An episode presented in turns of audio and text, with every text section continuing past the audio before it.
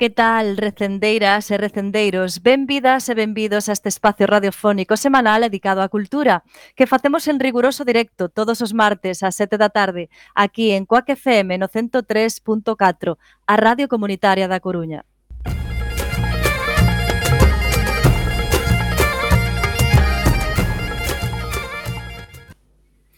A Agrupación Cultural de Sander Bóveda presenta este programa que podes escoitar en directo a través de internet na página da emisora coacfm.org barra directo e tamén na aplicación móvil.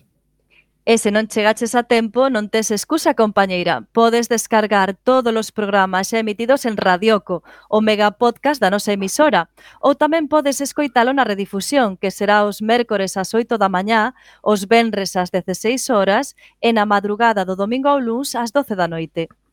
E a partir de agora, seguirenos nas redes sociais, tanto deste programa Recendo como da propia agrupación cultural de Xandre Bóveda, que teñen abertas as súas canles en Instagram, Twitter e Facebook, ou na web www.acalexandrebóveda.gal. Amador.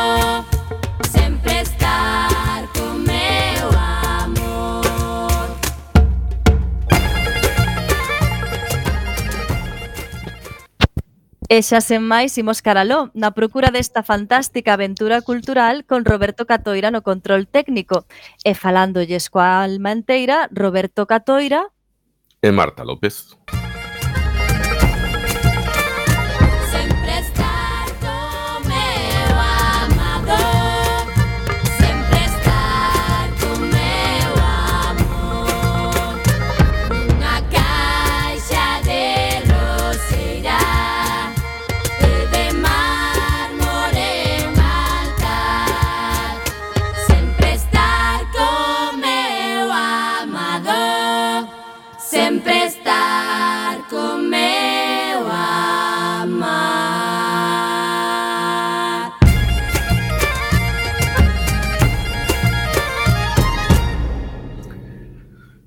comezamos o noso programa número 392 para comezar o ano 2022.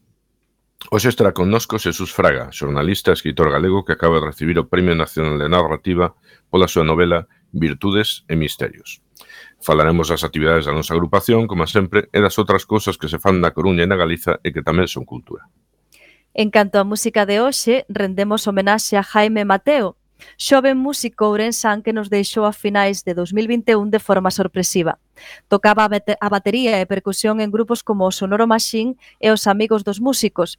Imos escoitar algunhas cancións de Segundo Fogar, o segundo disco editado por este último grupo en 2019. Presentamos a primeira peza de hoxe titulada As Crónicas. Nunha casa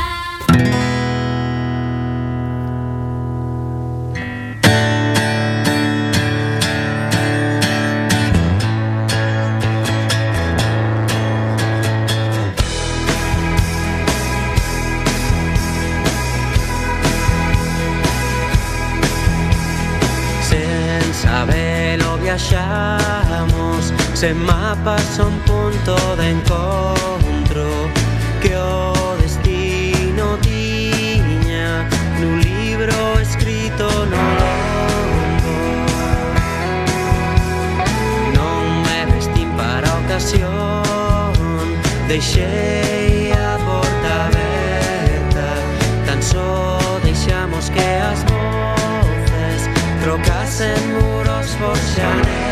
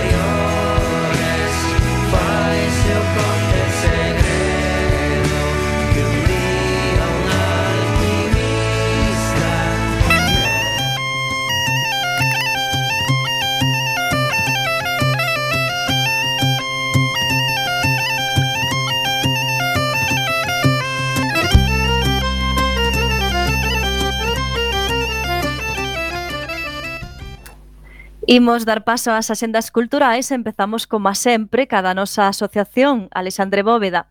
O mércores 12, dentro do ciclo Valdeorra sin finda, Ricardo Gurriarán falaranos de Florencio Delgado Gurriarán, poeta valdeorrés, republicano e galeguista.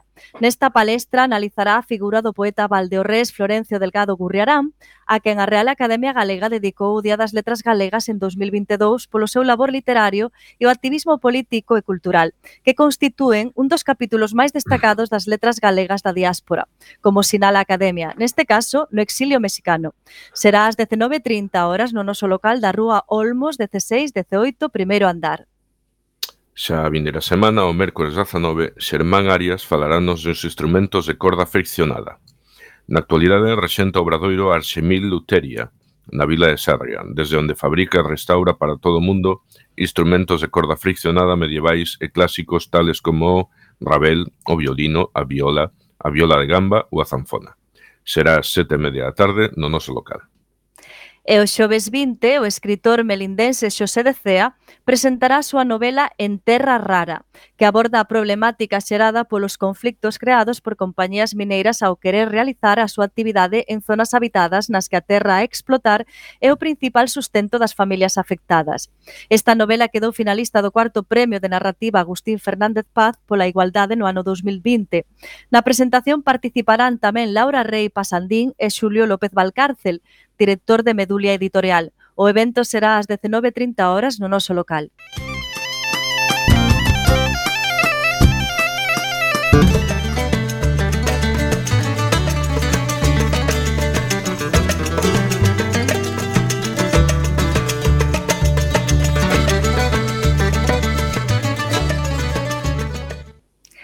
E a quenda agora da Xenda da Coruña. Empezamos polo eido audiovisual. África, conta unha historia de investigación impactante sobre verteduras tóxicas en, Af en Arica, Chile. Un mozo do coactivista levará a multinacional sueca Boliden aos tribunais. A mala fama de Boliden ven de lonxe o desastre ecolóxico no Parque Natural de Doñana que contaminou o río Guadiamar en 1998 e trastornou a sociedade española produciuse por un derrame tóxico da multinacional. Esta peza do 2020 foi dirixida por William Johansson Kallen e Lars Edman, un mozo sueco de orixe chilena. Podedes vela hoxe ás 20 horas no Ágora. En canto ás artes escénicas, celébrase o duodécimo Festival Terra e Maxa, a beneficio da Fundación Terra de Homes. Actuarán os magos Román García, Rufus e Rebo, que se unen para unha causa solidaria e farannos gozar dun grande espectáculo de marcha para pequenos e adultos. Todos os pequenos que asistan recibirán un agasallo doado por Gadisa. Será o sábado 15 ás 18 horas no Foro Metropolitano. Unha noite con ela, consiste en pasar unha noite con Loles León, e iso significa facer un percorrido polos últimos 50 anos da nosa historia. Recordos cheos de emoción que a través da música, o cabaret, o music hall, trasladaránnos a distintas épocas. Contén un 80% de realidade e un 20% de ficción. Pero ela xa máis confesará o que é verdade e o que é mentira. O espectador ten hora e media para pescudalo. Loles actúa xunto a dous bailaríns actores e dous músicos en directo. Ah, actúo Benres 14, perdón, e o sábado 15 no Teatro Colón, pero a diferentes horas cada día. Agora comenzamos coa xenda musical. A verdade é que non sabemos se tedes moito interese pola música valenciana original para a banda, aínda que teñen moita fama os valencianos neste campo. A banda municipal da nosa cidade dará un recital no que estará dirixida precisamente polo valencian Andrés Valero Castells. Tocarán pezas do propio director, de Rafael Mullor e de Saúl Gómez Solera. Será o xoves 13 ás 20 horas no Teatro Colón con entrada de balde. Tamén no eido clásico, que nos pouco pisamos, o programa desta semana da Orquestra Sinfónica de Galicia ten obras de Shostakovich e Sibelius. O, dito, o director será Dima Slobodeniuk e o violín solista será tocado por María Dueñas. Actúan o Benres 14 ás 20 horas no Pazo da Ópera. E rematamos coas exposicións, precisamente falando dos nosos amigos de Arga que nos visitaron hai pouco. A Asociación de Artistas Plásticos Galegos organizaron unha exposición colectiva de Nadal, como todos os anos, que puido verse dende mediados de decembro e que se clausura o vindeiro xoves 20 de xaneiro, no seu local da Rúa San Andrés 28. Participan 35 artistas con máis de 100 obras de prezos, tamaños e técnicas pictóricas diferentes como acuarela, óleo, acrílico, grabado, e incluso algunha escultura.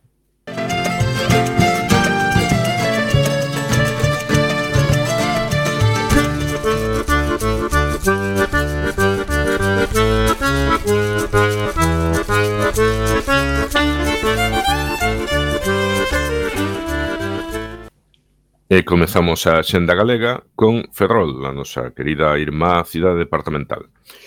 Unha hora menos producións eh, presenta Moria, que conta a historia de dúas refuxadas e as súas familias, as que non lles queda máis remedio que fuxir dos seus respectivos países. A dramaturxia sostense a partir de testemunhas reais filmadas nese campamento baixo a supervisión de Nicolás Castellano, reportero especializado en movimentos migratorios forzosos e dereitos humanos. Poderedes ver esta obra protagonizada por Marta Viera e Ruth Sánchez o vendres 14 o sábado 15 ás 8 da tarde no Pazo da Cultura de Narón, que non é Ferrol, pero é Ferrol Terra. Imos a Lugo. As para Alex é un espectáculo de teatro infantil da compañía Baobac Teatro, protagonizado por Xosé Manuel Esperante e Cora Velasco. Alex é un neno como calquera outro de oito anos que lle encanta correr, xogar, pero un día Alex ten que deixalo todo porque o seu corpo non responde. E como calquera neno, enfádase e asaltanlle moitas preguntas. Podedes velo domingo 16 ás 18.30 horas no Auditorio Municipal Gustavo Freire. Baixamos agora ata Vigo. Belaco foi a primeira banda estatal en ser incluída no main stage do mítico Festival de Reading Elites. Eh, no ano 2020 preséntase eh, o seu disco Plastic Drama, pero coa pandemia aínda están xirando co novo disco. Eh, podes velos actuar o vendres 14 ás 9 da noite na Sala Radar. E pegamos un chimpo a Pontevedra, volven as noites de retranca, o espectáculo de humor por excelencia do país que cumpre 12 anos levándonos humor por, polas principais teatros e auditorios. Nesta ocasión veremos xuntos por primeira vez a Luis Taera, Manuel Manquiña e Víctor Fábregas. Actúan o domingo 16 ás 20 horas na, na sede a Fundación. Visitamos agora a capital de Galicia, en Santiago, e Crisix é unha banda de thrash metal procedente de Igualada, en Cataluña. Foi fundada por Javi Carrión e Marc Torras como batería e baixista, respectivamente. Despois completaron a formación cos guitarristas Marc Busquet e Albert Requena, e finalmente con Julie Bath, que entraría para sustituir ao primeiro vocalista. Serán teloneados polo grupo North Slave. Actúan o vendres 14 ás 10 da noite na Sala Malatesta. E baixamos a Ourense. O grupo coruñés formado en 1986, Luar na Lubre, ofrece un concerto no que presentan o seu último traballo, Vieiras e Vieiros, historias de peregrinos. Actúan o sábado 15 ás 20.30 horas no Teatro Principal. E a nosa vila convidada de hoxe é Bertamiráns. Bertamiráns, a capital, unha das vilas máis importantes do Concello de Ames. A obra Gloria Nacional da Compañía Teatro Noroeste fala sobre o ficticio escultor Uxío Rodas, unha figura da cultura do seu país. Está interpretada por Miguel Pernas, Luma Gómez e Manuela Varela. Actúan o vendres 14 ás 8 media da tarde na Casa de Cultu da Cultura de Bertamiráns, que lembramos que está no Concello de Ames. Música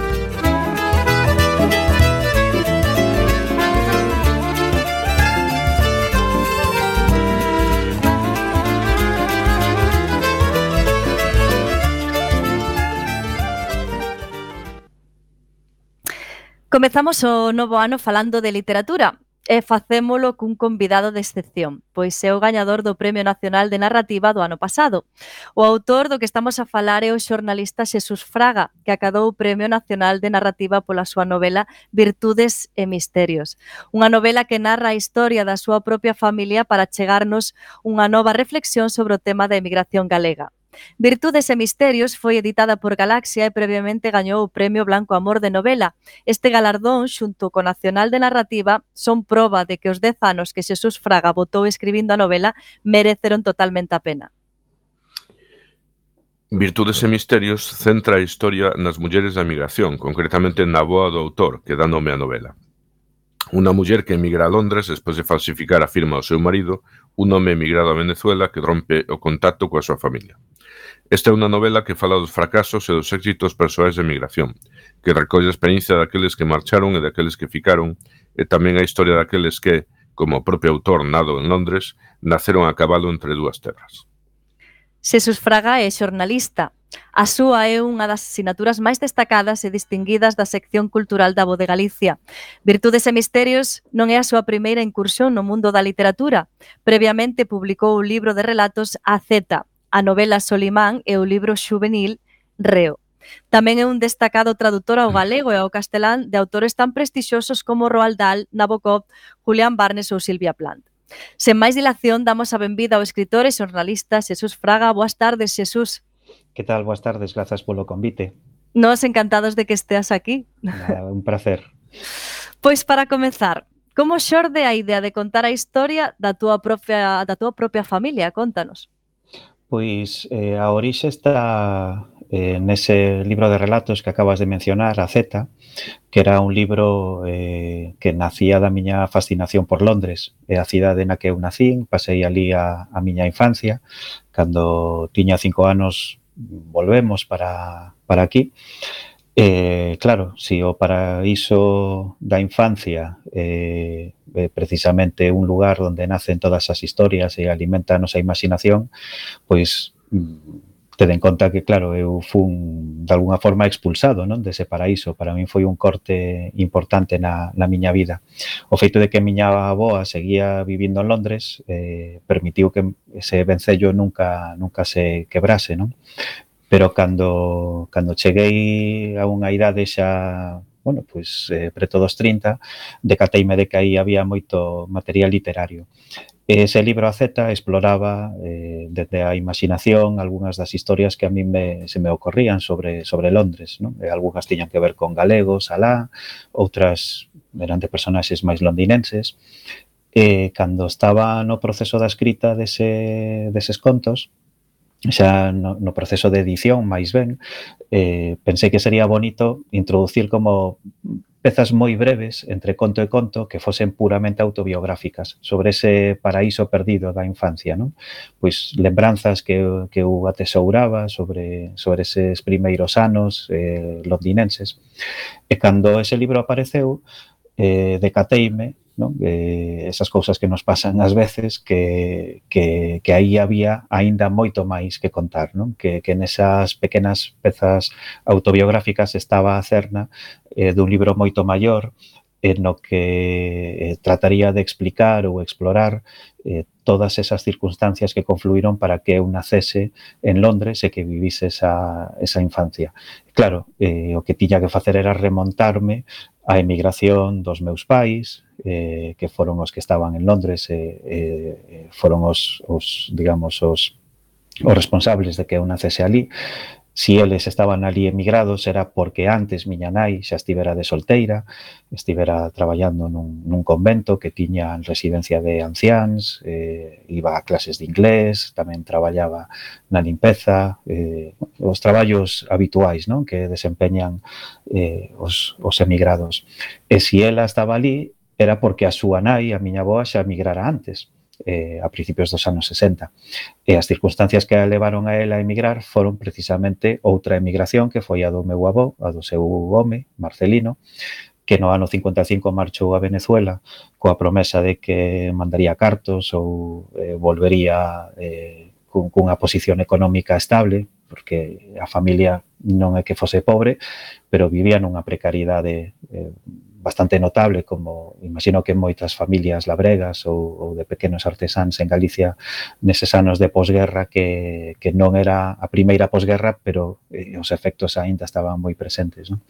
El, lonxe de mandar eses cartos eh, e, de, e de volver, pois eh, a comunicación foi se esmorecendo, os cartos non chegaban por ningún lado, e a miña avoa estaba tan tan asfixiada e, e tan tan exixida que decidiu emigrar ela, eh, como non puido ir a Venezuela porque o home negábase a que ela fose alá e tampouco quería volver, pois colleu o camino contrario, que foi precisamente o, o camiño de Londres.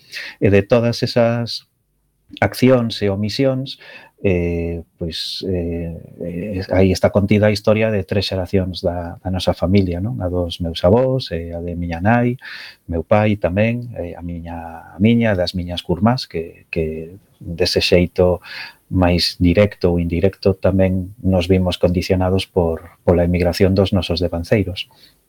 Mm. E ti veches algún momento a sensación de contar algo demasiado íntimo ou a necesidade de agochar algunha cousa? Claro, ese é un dos motivos polos que eh, este libro tardou tanto en, en sair. Dez anos, non?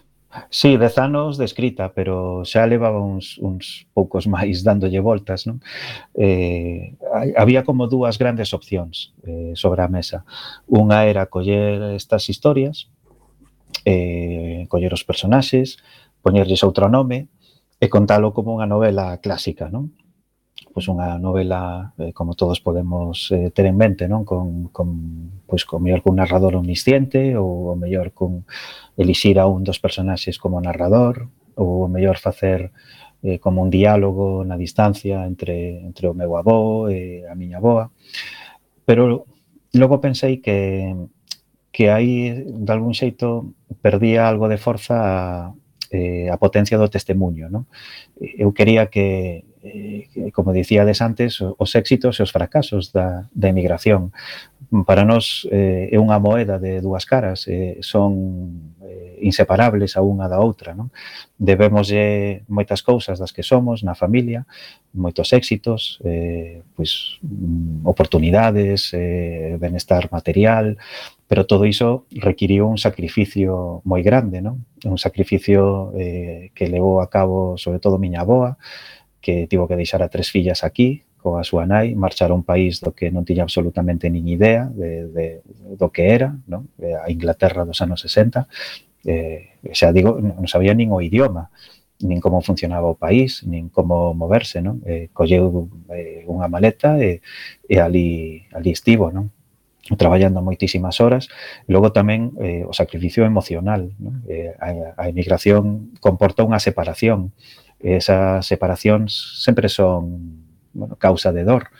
Eh, levan aparelladas a soidade, as frustracións, eh, moitas cousas non? Que, que deixan pegada moi fonda eh, nas nosas almas e que eu, por exemplo, como neto, eh, quizáis non vivín con esa intensidade, pero dou fe de que deixou pegada tamén na miña personalidade e na, na miña formación.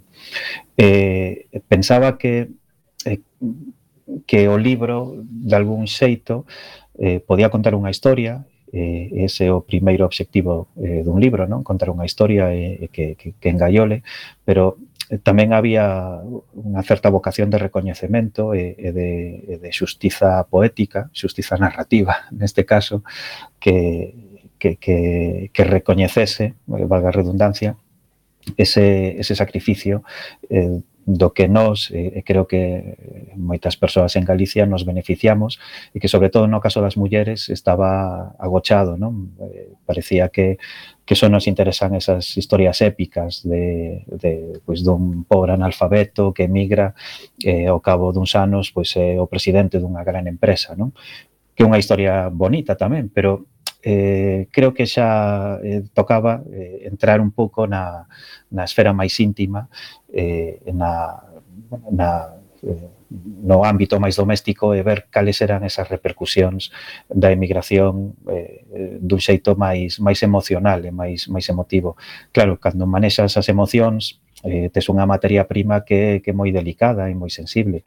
E claro, había que tomar decisión sobre que contar e que non, eh, porque eu ademais cando, cando empecé a falar coa miña familia para contarlles que estaba metido neste proxecto e que, que contaba coa súa colaboración, que, que, que eu ia tirar moito da miña memoria, pero eh, claro, eu eh, houbo eh, anos eh, nos que non estaba ali, entre outras cousas porque non nacera aínda, non? e quería coñecer a súa opinión.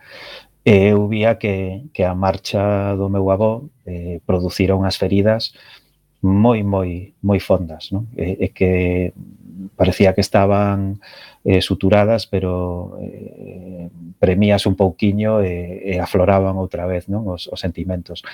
Eh, despois desa dor durante eh, tantas décadas, o que eu non quería era que o meu libro eh, reactivase esas sensacións tristes eh, e dolorosas dun xeito gratuito. Non? Quería que, que se entendese ben a historia eh, e iso implicaba que había que contar cousas duras e cousas eh, que non eran agradables, pero que precisamente esas cousas eran necesarias para entender eh, o que foi a, sobre todo a vida da miña boa en toda a súa dimensión.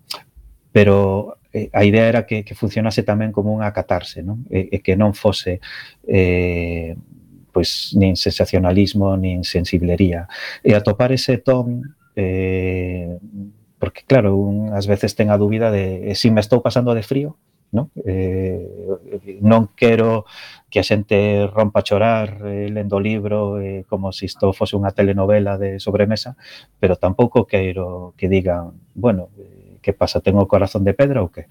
Eh, dar con ese ton tan, non, eh, ese equilibrio necesario eh, entre distancia e ao mesmo tempo proximidade foi un dos motivos polos que me levou tanto tempo escribir. Eh, claro, iso justifica non a resposta á túa pregunta. Claro, hai, hai cousas que non eh, que, que non podes contar.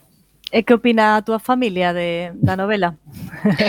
pois foi foi unha reacción moi bonita, non? Porque eh, eles eh, eles deixáronme moita liberdade, nunca me preguntaron que o que estás facendo, ou, eles mm, pensaban que o que estaba facendo era unha especie de árbore genealóxica, non? De pues, eh, este era fillo de tal, era o curmán deste outro, que está emigrado en Asturias, que a súa vez eh, era neto do outro que está en Buenos Aires, eh, unha especie non de, de compendio genealóxico. Eh, eu xa digo, interesaba máis entrar no, no, no terreo das emocións e sobre todo entender eh, comprender sen, sen xulgar nin facer un axuste de contas eh, que supuxo non para nós esa, esa emigración e abandono de facto do, do meu avó e o feito de que a, a miña aboa pois eh, con toda a valentía do mundo collese e cambiase radicalmente de vida e se sacrificase polas polas fillas e, e polos netos. Eh, creo que ver ese relato non eh, en libro eh, e para eles foi moi moi reconfortante, non? Ás veces falase do libro eh, como un artefacto que que foi o vehículo eh, de transmisión cultural preferente durante séculos e que agora está perdendo esa preeminencia polo, polo empuxe dos, dos novos formatos, non? audiovisuais, eh, novas narracións ou a fragmentación eh, como que, que o libro xa non ten esa centralidade non? Na, na nosa cultura.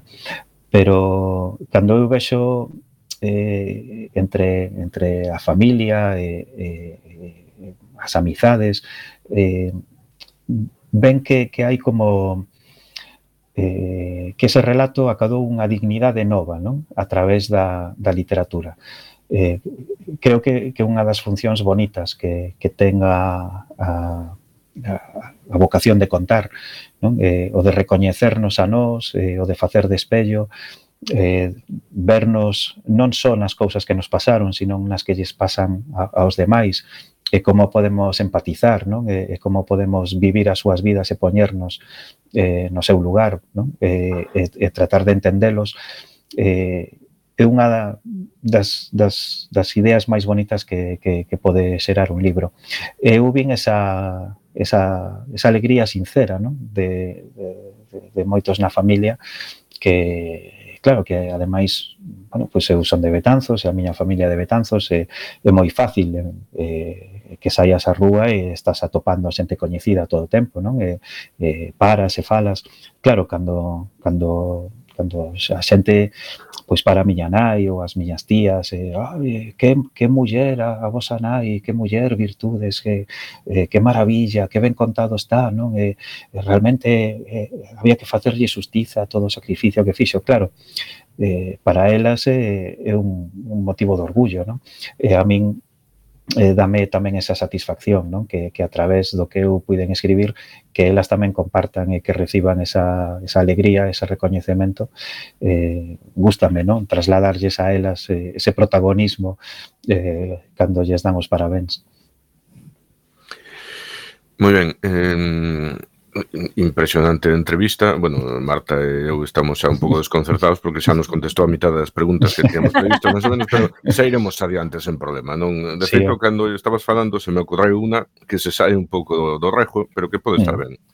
Eh, como escritor, xa tes unha determinada trayectoria, non é o primeiro libro que escribes, tardaches dez anos en escribilo, levabas dez anos pensando en ui, este tema da desida, desida, desida, desira, o sea que se pode falar de 20 anos compoñendo o libro dunha forma ou doutra, e perfectamente podía ter sucedido, aí están as fermosas campanas de Betanzos, sí. soando ao fondo, eh, podía ter sucedido que o libro pasara sen pena nin gloria, pero vai e non, e o peta, e ten, eh, tes na túa cabeza alguna historia guardada por aí que lle leves dando tempo, o sea, leves da, moito tempo dándolle voltas, decir, non sei, o mellor daqui sai algo e que agora acaba de revivir dicindo, pois pues mira, esas ideas que teño aí agochadas por debaixo, a veces eh, saen a flote. Se che ocurre mm. agora Sí, Roberto, é, é certo. Eh, aí ti mencionaches dous temas que son cruciais.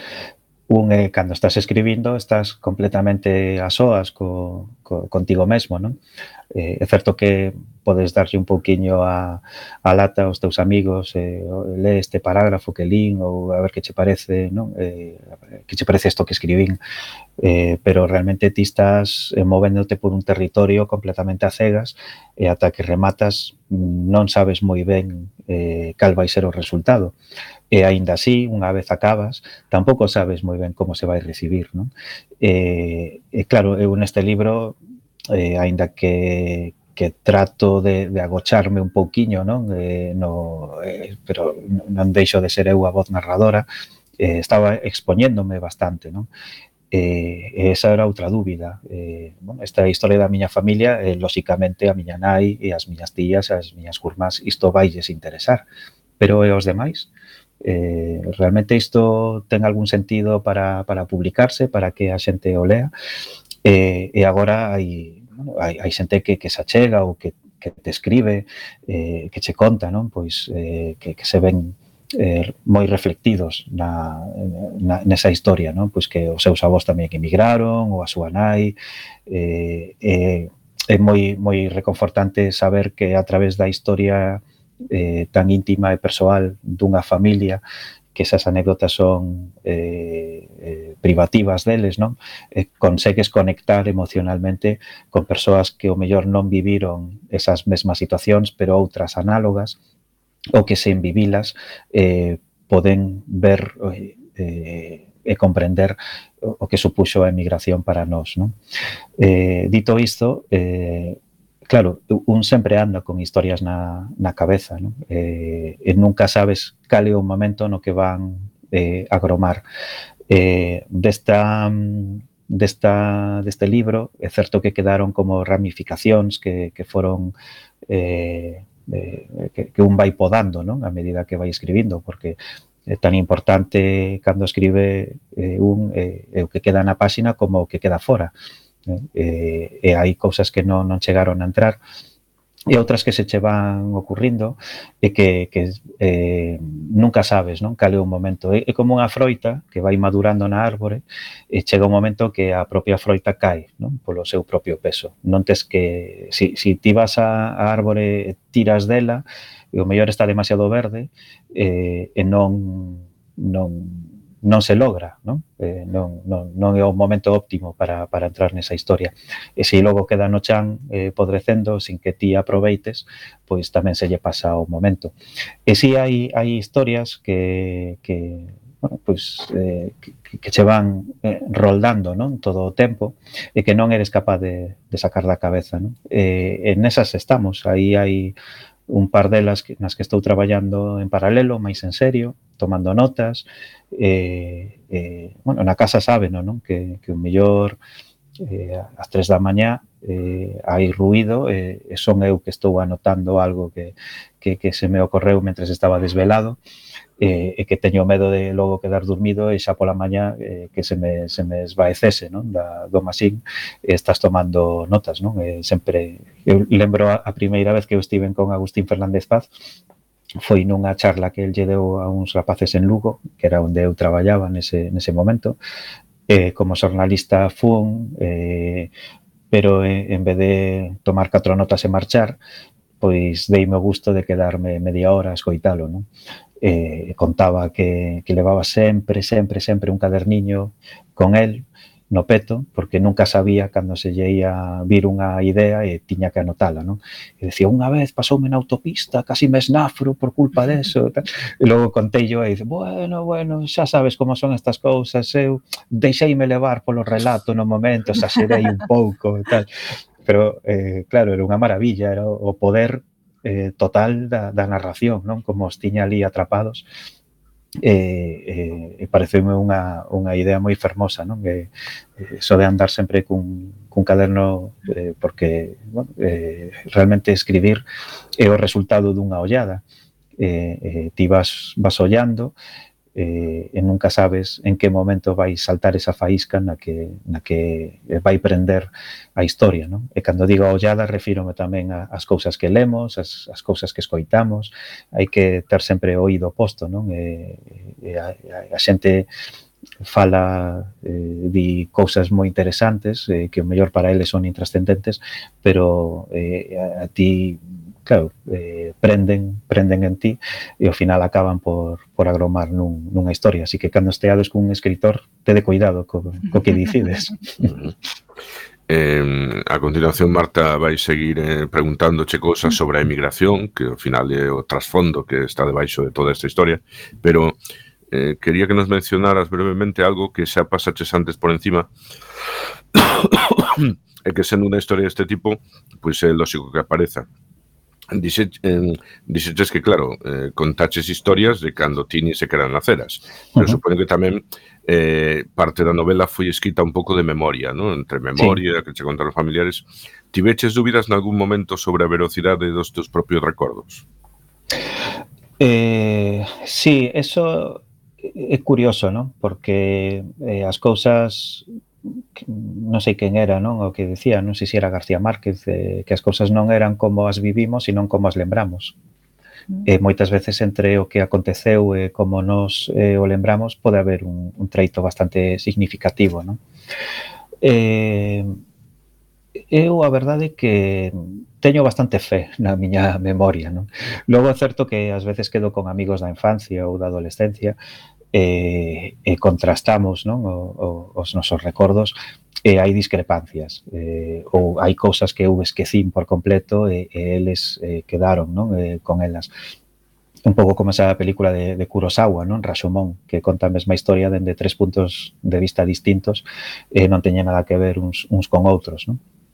Pero eh, antes falaba da infancia como ese paraíso perdido, eh, hai moita xente que, que a súa infancia e, e mocidade transcorre no, no mesmo sitio, hai unha, unha continuidade, non? Eh, eso implica que ás veces eh, teño amigos que non saben se si o que están a lembrar eh, lles pasou cando tiñan tres anos ou cando tiñan oito. Non? É moi fácil eh, confundir eh, esas lembranzas cando os escenarios realmente son os mesmos. Para min esa volta de Londres a, a Galiza cando tiña cinco anos foi un corte eh, eh, bueno, un corte casi non irreversible, pero que supuxo un antes e un despois na, na miña vida. Non?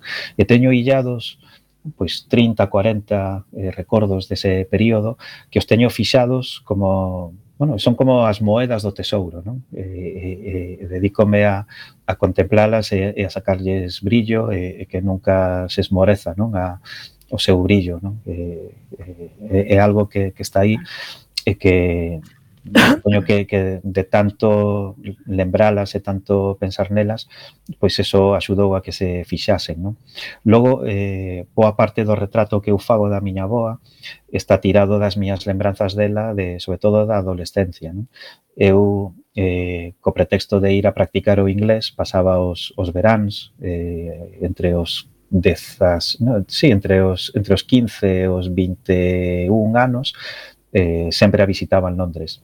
Estaba ali con ela e, eh, claro, para min era unha aventura maravillosa eh, ter a liberdade non que me daba eh, esa, esa gran cidade para mercar libros, para, para ver exposicións, para comprar roupa, para facer amigos novos, pero tamén estaba con ela vivindo no seu pequeno cuarto eh, e botaba unha man nos seus traballos, non? E ia case todos os días eh, acompañando a, pues, a, a limpar unha casa, unhas oficinas.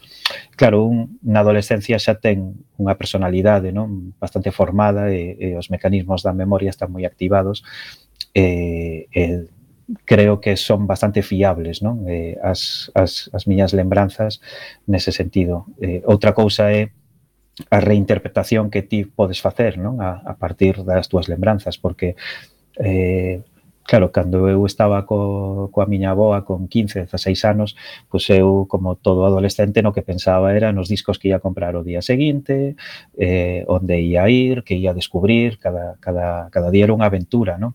E non reparaba eh, por exemplo, en, en como era o seu xeito de vivir. Non?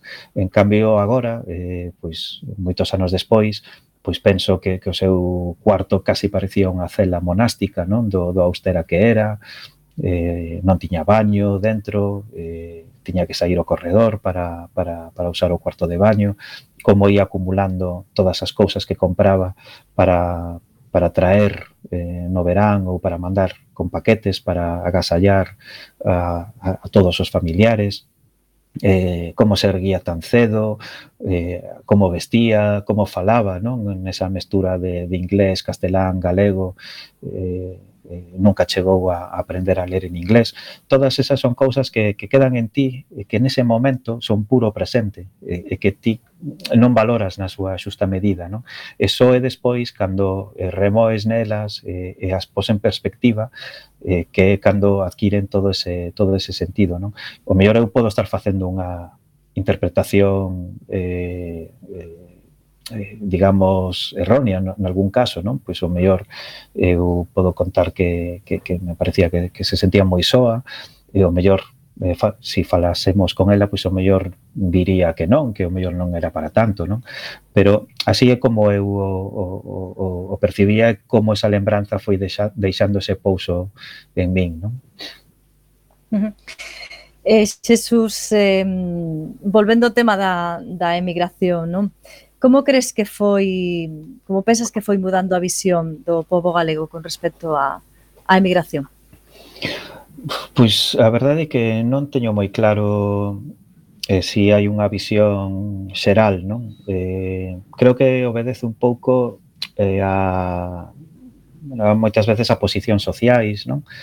Eh, o que está claro que a xente que non tivo que emigrar por necesidade eh, o mellor agora non tanto, pero cando, por exemplo, meus pais estaban emigrados, si sí había unha certa superioridade de clase, non? Eh, como, bueno, eh, emigran os pobres, non? E se nós nos en, non emigramos é que non somos pobres, non? E daquela tampouco queremos que se nos confunda, non? Eh, non sei, eu creo, eh, sin ser un experto nisto, é dicir, eu, o, dicir, eu o que fixen foi contar a historia da miña familia, non? É unha historia eh, marcada pola emigración. Xa digo, meu avó marchou a Venezuela, os meus pais a, a, a Londres, ali nacín eu, pero logo un irmán de, do, do meu avó paterno está en Francia, eh, un irmán da, da miña bisaboa foi a Buenos Aires, un tío de miña nai emigrou á República Dominicana, logo estivo en Nova York, eh, eh, hai familiares en Asturias, eh, en, en moitos sitios, non? Creo que que todos eh, vivimos esa, esas circunstancias, non? Pero eh, non son sociólogo, nin, nin antropólogo, eh, eh, non teño eh, unha visión de conxunto sobre os datos, non? Pero sí eh, teño unha certa idea de que eh, eh, igual deberíamos vernos máis como un pobo eh, de, de diáspora, non? É dicir, que, que, que ah, tan galegos son os que os que están en Buenos Aires ou en avión ou en Newark ou en Basilea como os que estamos aquí, non?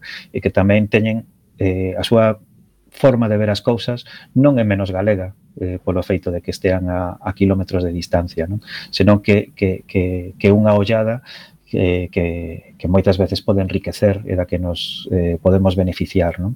E que, ademais, eh, seguimos a cara a un escenario global onde as comunicacións eh, mudaron radicalmente eh, nos últimos anos, eh, digo nas comunicacións físicas, eh, porque agora eh, bueno, pois pues, os voos baratos non? Xeralizáronse e fan posible viaxar dunha forma que antes era casi imposible. E as comunicacións telemáticas eh, tamén acurtan non? Moitas veces a, as distancias.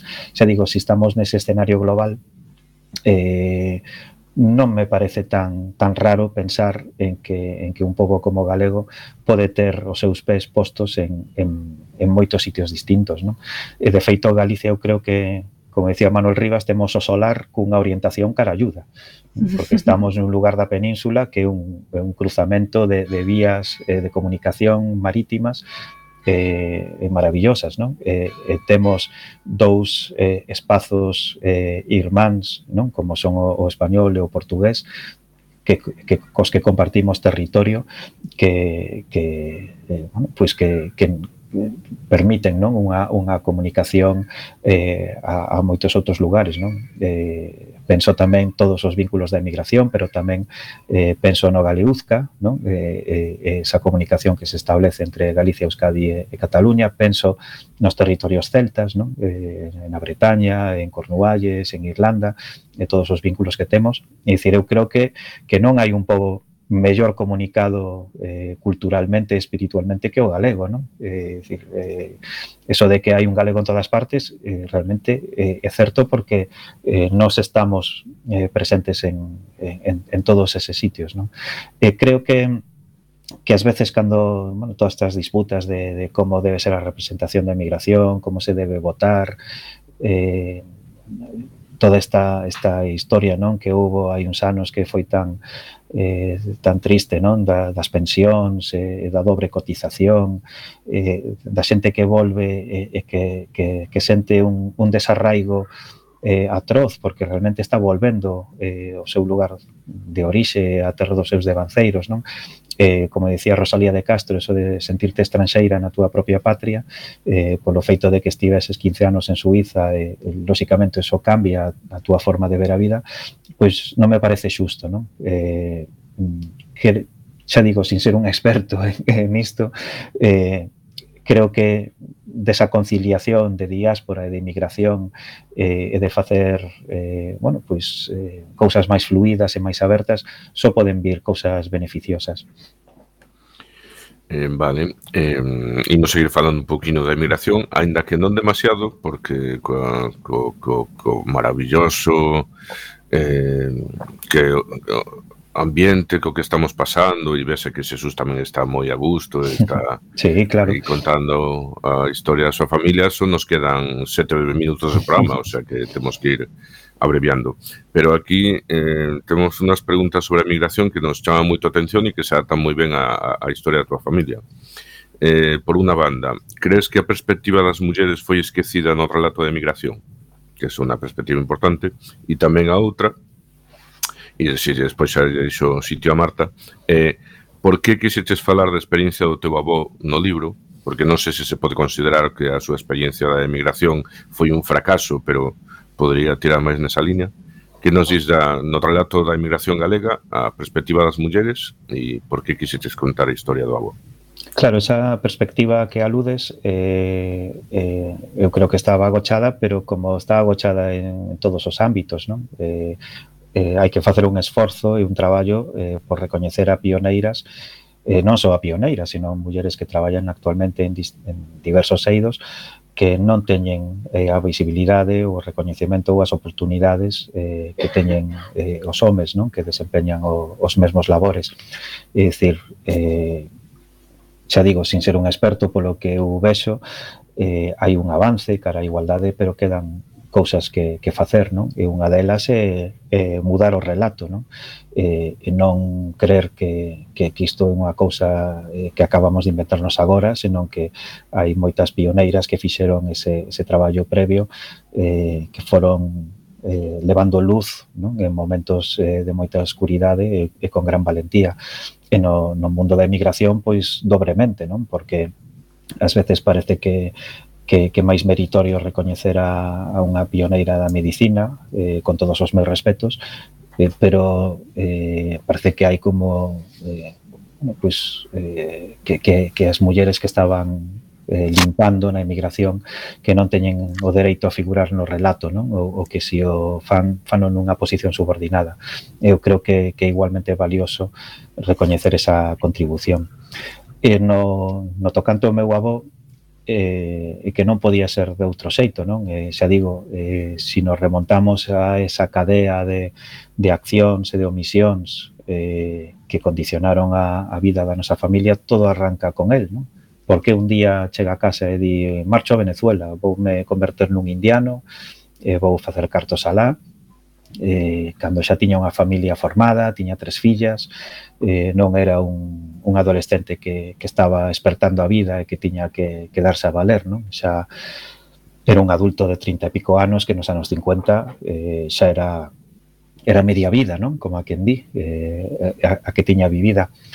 E ademais, eh, si ti tes o teu avó desaparecido en Venezuela durante 50 anos, pois aí están eses misterios, non? Eh, que foi da súa vida, por que eh, que fixo, que, que foi o que o que aconteceu para que non volvese. Hai moitas preguntas aí sin, sen responder que o libro trata de, de contestalas eh, sen chegar tampouco a, a conclusión sólidas e definitivas.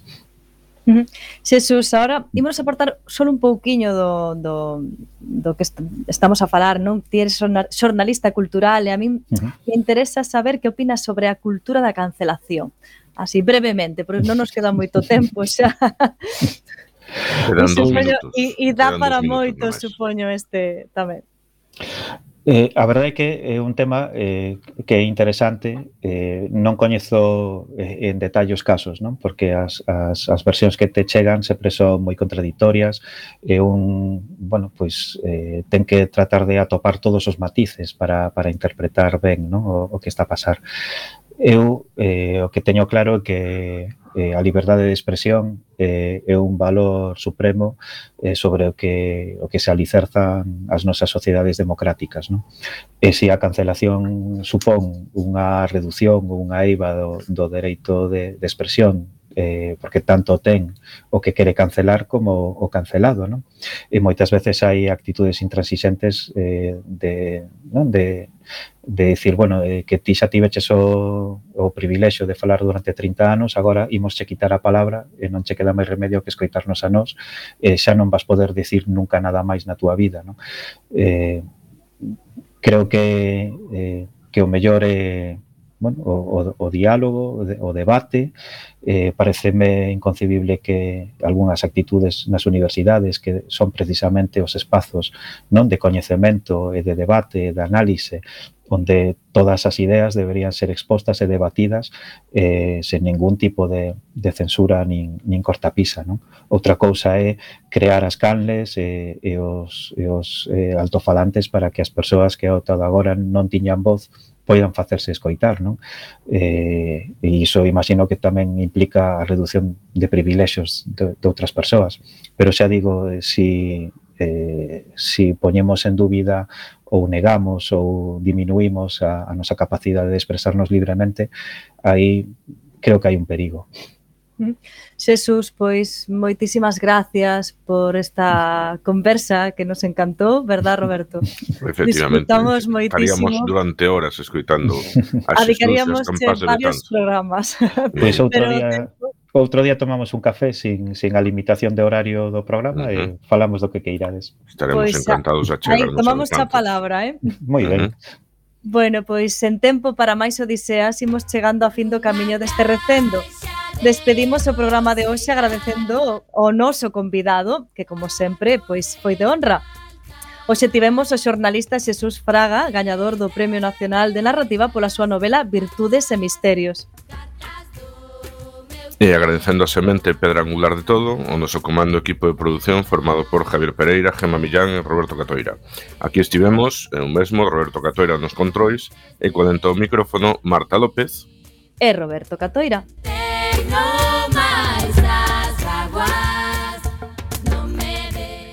acompañándote neste recendo de palabras e de imaxes radiofónicas que nos traen este aroma cantado na nosa lingua e que nos permite hoxe tamén no futuro a permanencia da palabra, da música e da implicación e o noso compromiso coa nosa nación, a Galiza.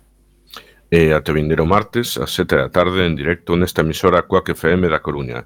Xa sabedes, recendo as mil primaveras que terá o noso idioma. Música